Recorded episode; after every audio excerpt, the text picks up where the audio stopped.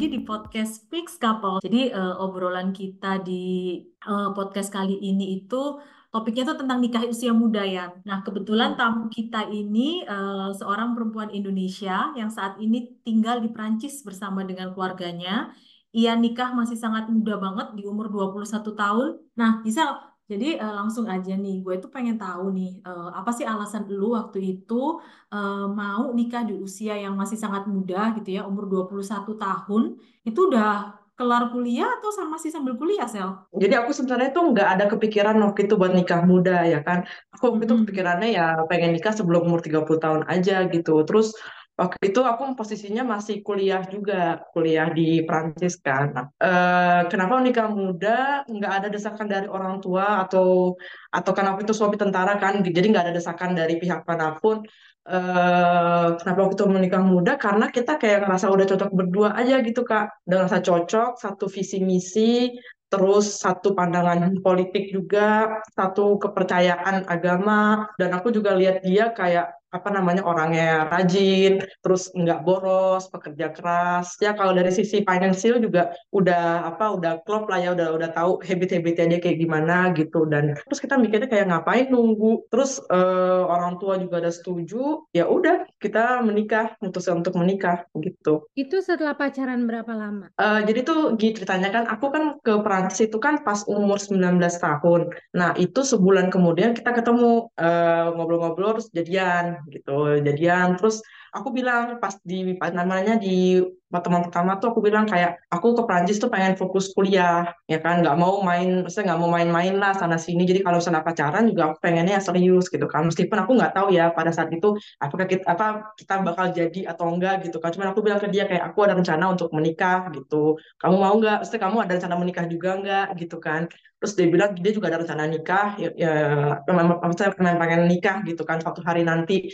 Uh, jadi karena di pertemuan pertama kita udah ngomongin hal itu jadi kayak pacarannya tuh udah ada maksudnya gitu loh kayak pengen diseriusin. Meskipun waktu itu kita nggak tahu kita jodoh atau enggak gitu. Nah itu dia udah kita udah mulai mikir begitu setelah setahun pacaran. Suami umur berapa pada saat itu Gisel? Suami, iya suami waktu itu umurnya kita bedanya lima tahun. Jadi waktu itu oh. uh, pas nikah itu kan Enggak aku ya? dua ya? satu, dia dua enam.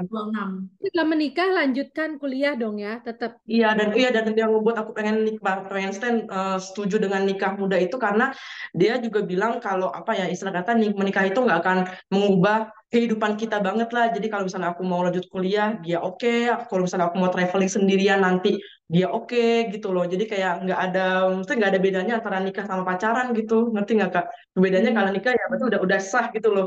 Gitu nah, sih. Iya, banyak yang bilang ya, Bo, kalau nikah muda tuh enaknya lu kayak pacaran tapi halal gitu. Iya. Lu, lu boleh ngapa-ngapain karena lu udah nikah, tapi lu kayak masih pacaran karena lu masih muda gitu kan dan belum Tapi ya. yang gue cukup salut itu di umur segitu, tapi suami sebetulnya di umur 26 sih ya. Dan dia komit oh. juga gitu loh. Maksudnya uh, kamu masih tetap boleh kuliah, kamu masih tetap uh, asik jalanin kuliah, terus kemudian bahkan sempat kerja juga gitu ya, Sal ya? Iya, jadi kan aku kuliah dua tahun itu terus apa namanya kita nikah uh, setelah aku lulus enggak kita nikah sipil pas aku masih kuliah terus nikah agama setelah aku baru barusan banget lulus kuliah gitu. Iya dia, jadi aku udah dari awal udah bilang kan kayak dia tahu lah aku orang Indonesia yang udah sepayah ke Perancis dan emang aku pengen kuliah di sini, pengen membangun karir juga dan emang anaknya hobinya traveling juga gitu. Jadi dia kayak udah tahu dari awal aku mau begini dan aku maunya begini gitu. Itu tadi ya. Selain misalkan ya enak sih uh, nikah muda gitu kayak kayak rasanya kayak masih pacaran aja gitu. Itu kan kayaknya sisi plusnya ya. Nah, yeah. kamu ada plus-plus yang lain atau ada minus yang lain nggak yang kamu rasain gitu? Enak nggak enaknya nikah muda? Oh iya banyak ya enak sisi plusnya itu plusnya ya kayak kita tumbuh bersama gitu loh kak tumbuh bersama terus um, ketemu karena ketemunya masih muda jadi kayak masih bisa menyesuaikan masih mau kalau berubah gitu menyesuaikan dengan karakter uh, satu sama lain gitu kan. Mungkin kalau aku nikahnya lebih udah apa lebih dewasa lagi mungkin aku punya udah punya baggage yang lebih berat dan jadi mungkin akan lebih susah untuk beradaptasi dengan karakter dia gitu kali ya. Terus uh, plusnya ya karena nikah muda terus kan punya anaknya juga muda karena kita punya anak itu setahun setelah menikah. Nah anaknya itu anaknya itu ya jadi aku kayak abis itu bisa bisa meniti karir gitu bisa fokus gitu berkaitan dengan tadi ya enak ya punya anak ketika masih muda. Memang benar gue ngebayangin ya. I'm in my 40s gitu ya. Punya si Noah itu masih 3-4 tahun masih lincah-lincahnya lari ke sana ke sini. Gue kadang merasa jompo gitu loh. Ngejar-ngejar ya. kalau masih muda jangan dianggap temen terus kayak aduh Noah I'm too old. Please udah udah terlalu jompo kayaknya badan pada pegel gitu kalau untuk ngadepin anak tiga tahun yang masih kicik-kicik gitu kan. Senang mungkin beda sama Gisel gitu kan ya yang bahkan uh, ketika anaknya toddler belum 30 tahun itu kayak masih seger gitu kayak enaknya tuh gitu. Anak sekarang umur berapa Gisel uh, anak yang pertama sebentar lagi lima tahun. Kalau yang kedua umurnya 20 bulan Oh, oke. Okay. Masih lincah-lincahnya juga tuh ya yang paling iya, kecil. Masih lincah-lincahnya. Nah. Terus kalau minusnya ya karena nikah muda kadang karakter kayak masih masih ada ego lah, masih egonya masih tinggi gitu kan. Terus apa namanya kalau misalnya berdebat juga kayak masih ya masih mikir ego masing-masing gitu. Terus jadinya kadang ya heboh gitu cara apa namanya cara berdebatnya gitu kan. Minusnya juga ya karena berhubung jadi orang apa namanya punya anak yang muda, jadi kayak ada apa ya jomplang gitu antara teman-teman aku yang waktu itu masih kuliah dan aku yang udah punya anak gitu loh kak. Jadi kayak mau ngobrol eh tapi beda udah beda dunia gitu kan. Dan gitu masih teman-teman aku di Indonesia lagi gitu kan. Jadi kayak beda aja kayak udah ada apa namanya perbedaan kayak ada dinding yang memisah gitu loh kak. Terus kalau di sini karena nggak ada keluarga juga kan keluarganya suami tinggalnya juga sekitar tiga jam dari dari tempat kami tinggal. Jadinya yang kayak nggak ada orang yang bisa diandelin gitu kalau misalnya kita ada masalah gitu nggak ada nggak ada ada tempat buat cerita. Jadi kadang aku ceritanya ya suka curhatnya ke orang tua gitu ya. Kadang juga orang tua suka mungkin nggak ngerti kali ya kok kondisinya gimana. Cuman kayak mereka berusaha untuk mendukung aku juga gitu. Gisel tadi kan kamu sempat bilang tuh uh, challenge terbesar ketika nikah muda itu adalah sama sih sama-sama ego egois uh, egonya itu masih sama-sama tinggi gitu ya. Jadi kalau misalnya iya. berantem suka mungkin fightingnya heboh gitu ya. Atau ya, heboh. Uh, ya terus kemudian uh, apa namanya tadi kamu juga sempat ngomong uh, dunia dunianya kok jadi berbeda nih uh, sama teman-teman yang sepantaran gitu ya. Nah kamu sama suami punya uh, komitmen atau kesepakatan apa tuh untuk bisa maksudnya kita harus survive nih ya dengan pernikahan kita walaupun masih muda. Uh, kesepakatannya apa ya kayak hmm, kita aku sih yang lebih ke arah kayak ngejelasin dia tentang bahasa cinta. Jadi kan uh, sebisa mungkin tuh setiap hari kita ada me time bareng gitu, quality time bareng. Meskipun ada, udah ada anak atau segala apa, udah ada anak atau misalnya kalau kerjaan sibuk, tapi ya minimal tuh sehari kayak kita ngeluangin 30 menit sampai satu jam itu untuk berdua aja ngobrol, entah mau ngeliatin video-video video di YouTube apa video video kata ibarat kita video nggak penting pun kita liatin kita tonton yang penting me time gitu loh kak. Ngeliatin video ngeliatin seri-seri juga nonton seri terus nonton hal-hal yang lucu-lucuan gitu. Hmm, jadi memang harus ada waktu bersama.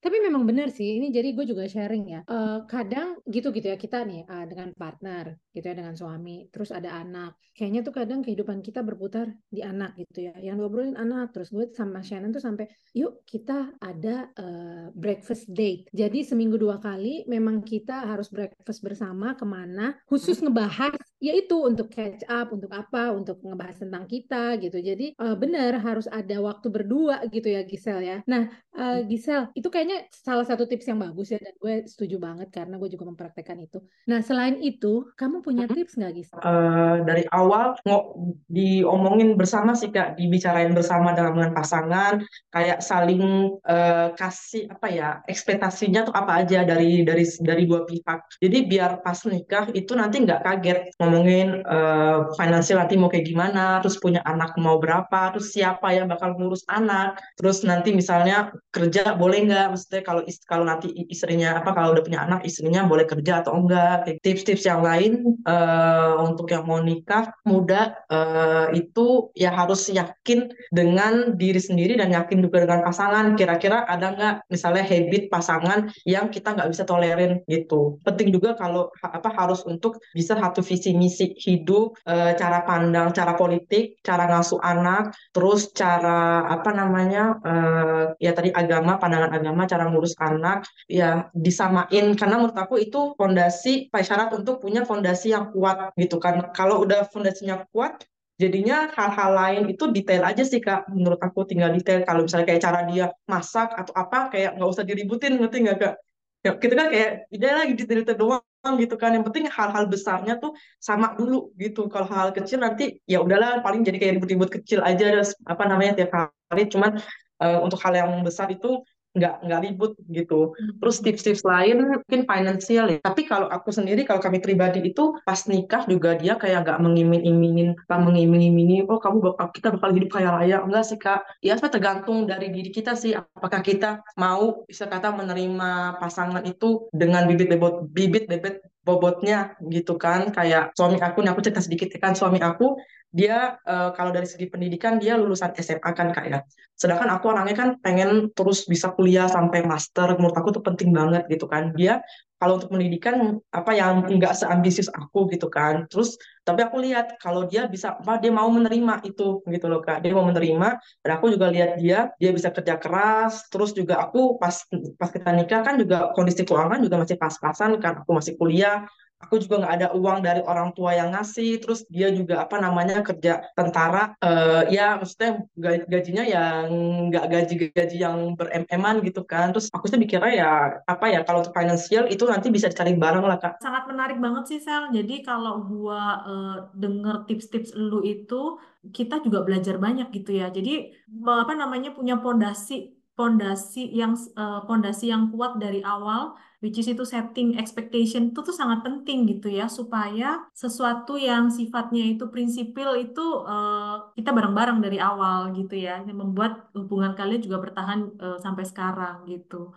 yang kecil-kecil ya. yang perintilan-perintilan ya udahlah ya kayak gitu ya kan bisa dimaklumi gitu yang penting yang gede-gede ya. Uh, ini apa namanya disepakati dulu gitu dari awal. Iya sih bener juga itu. Satu tips lagi juga apa namanya kalau kita mau nikah muda atau enggak ya itu uh, apalagi kalau nanti nikah sama WNA gitu kan itu harus siap-siap itu sih kan melipat gandakan effort sih. Kayak waktu itu orang tua aku bilang gitu kan kayak uh, istilah kata orang tua aku aja yang beda suku tapi satu masih satu orang Indonesia aja uh, kasih effortnya misalnya 100 persen. Kalau kita sedangkan kita yang menikah akan nanti menikah dengan WNA effortnya berarti harus berkali-kali lipat. Gitu ya kan? Kali yeah. lipat terus pasang pasang muka badak gitu kak. Aku juga dulu pas di sini awal-awal punya anak buat survive itu ya aku pasang muka badak kayak aku apa an, minta bantuan. Itu jangan ragu untuk minta bantuan orang sekitarnya. Even teman-teman aku yang di sini orang Perancis yang awalnya kita nggak kenal kayak aku minta bantuan gitu loh kak. Minta, minta bantuan, bantuan. kayak mereka mungkin minta bantuan kayak misalnya minta uh, tips-tips saran buat ngasuh oh, anak gimana iya, kayak iya, gitu. iya, iya. gitu pasang muka badak gitu meskipun apa kita awalnya nggak kenal deket tapi aku kayak apa kayak ya deket-deketin gitu loh kak. Deket-deketin gitu. juga ya dari mereka. Iya bener juga sih iya. gitu kan. Terus jadinya kelamaan apa lama kelamaan jadinya jadi kayak malah deket beneran terus jadinya akhirnya malah jadi temenan temen beneran gitu loh kak gitu iya, karena iya. penting banget kan kita yang nggak punya orang tua Apalagi di, di negara rantau gimana ya, di negara iya, rantau iya, itu butuh ya, kan. butuh tetap butuh backup atau support system juga ya kan. Iya, support systemnya dari dari orang-orang sekitar. Nah, gimana caranya ya, nah itu harus pasang muka badak. Iya, oke oke, pasang muka badak itu penting. Iya, betul. Oke, okay. uh, thank you Gisel, sukses ya. Terus semoga yeah, uh, karir, keluarga, Amin. dan anak-anak tetap sehat. Uh, aku tutup ya. Jadi, uh, Amin. Ya, oke. Jadi demikian bahasan episode kita kali ini. Nah, kalau kamu pengen ngobrol-ngobrol uh, bersama kita, boleh banget silakan kirim ke email mixcouples at uh, mixcouples.id at gmail.com atau bisa DM ke Instagram kita di at mixcouples.id. Oke, thank you. See you next Thank you, time. Thank you,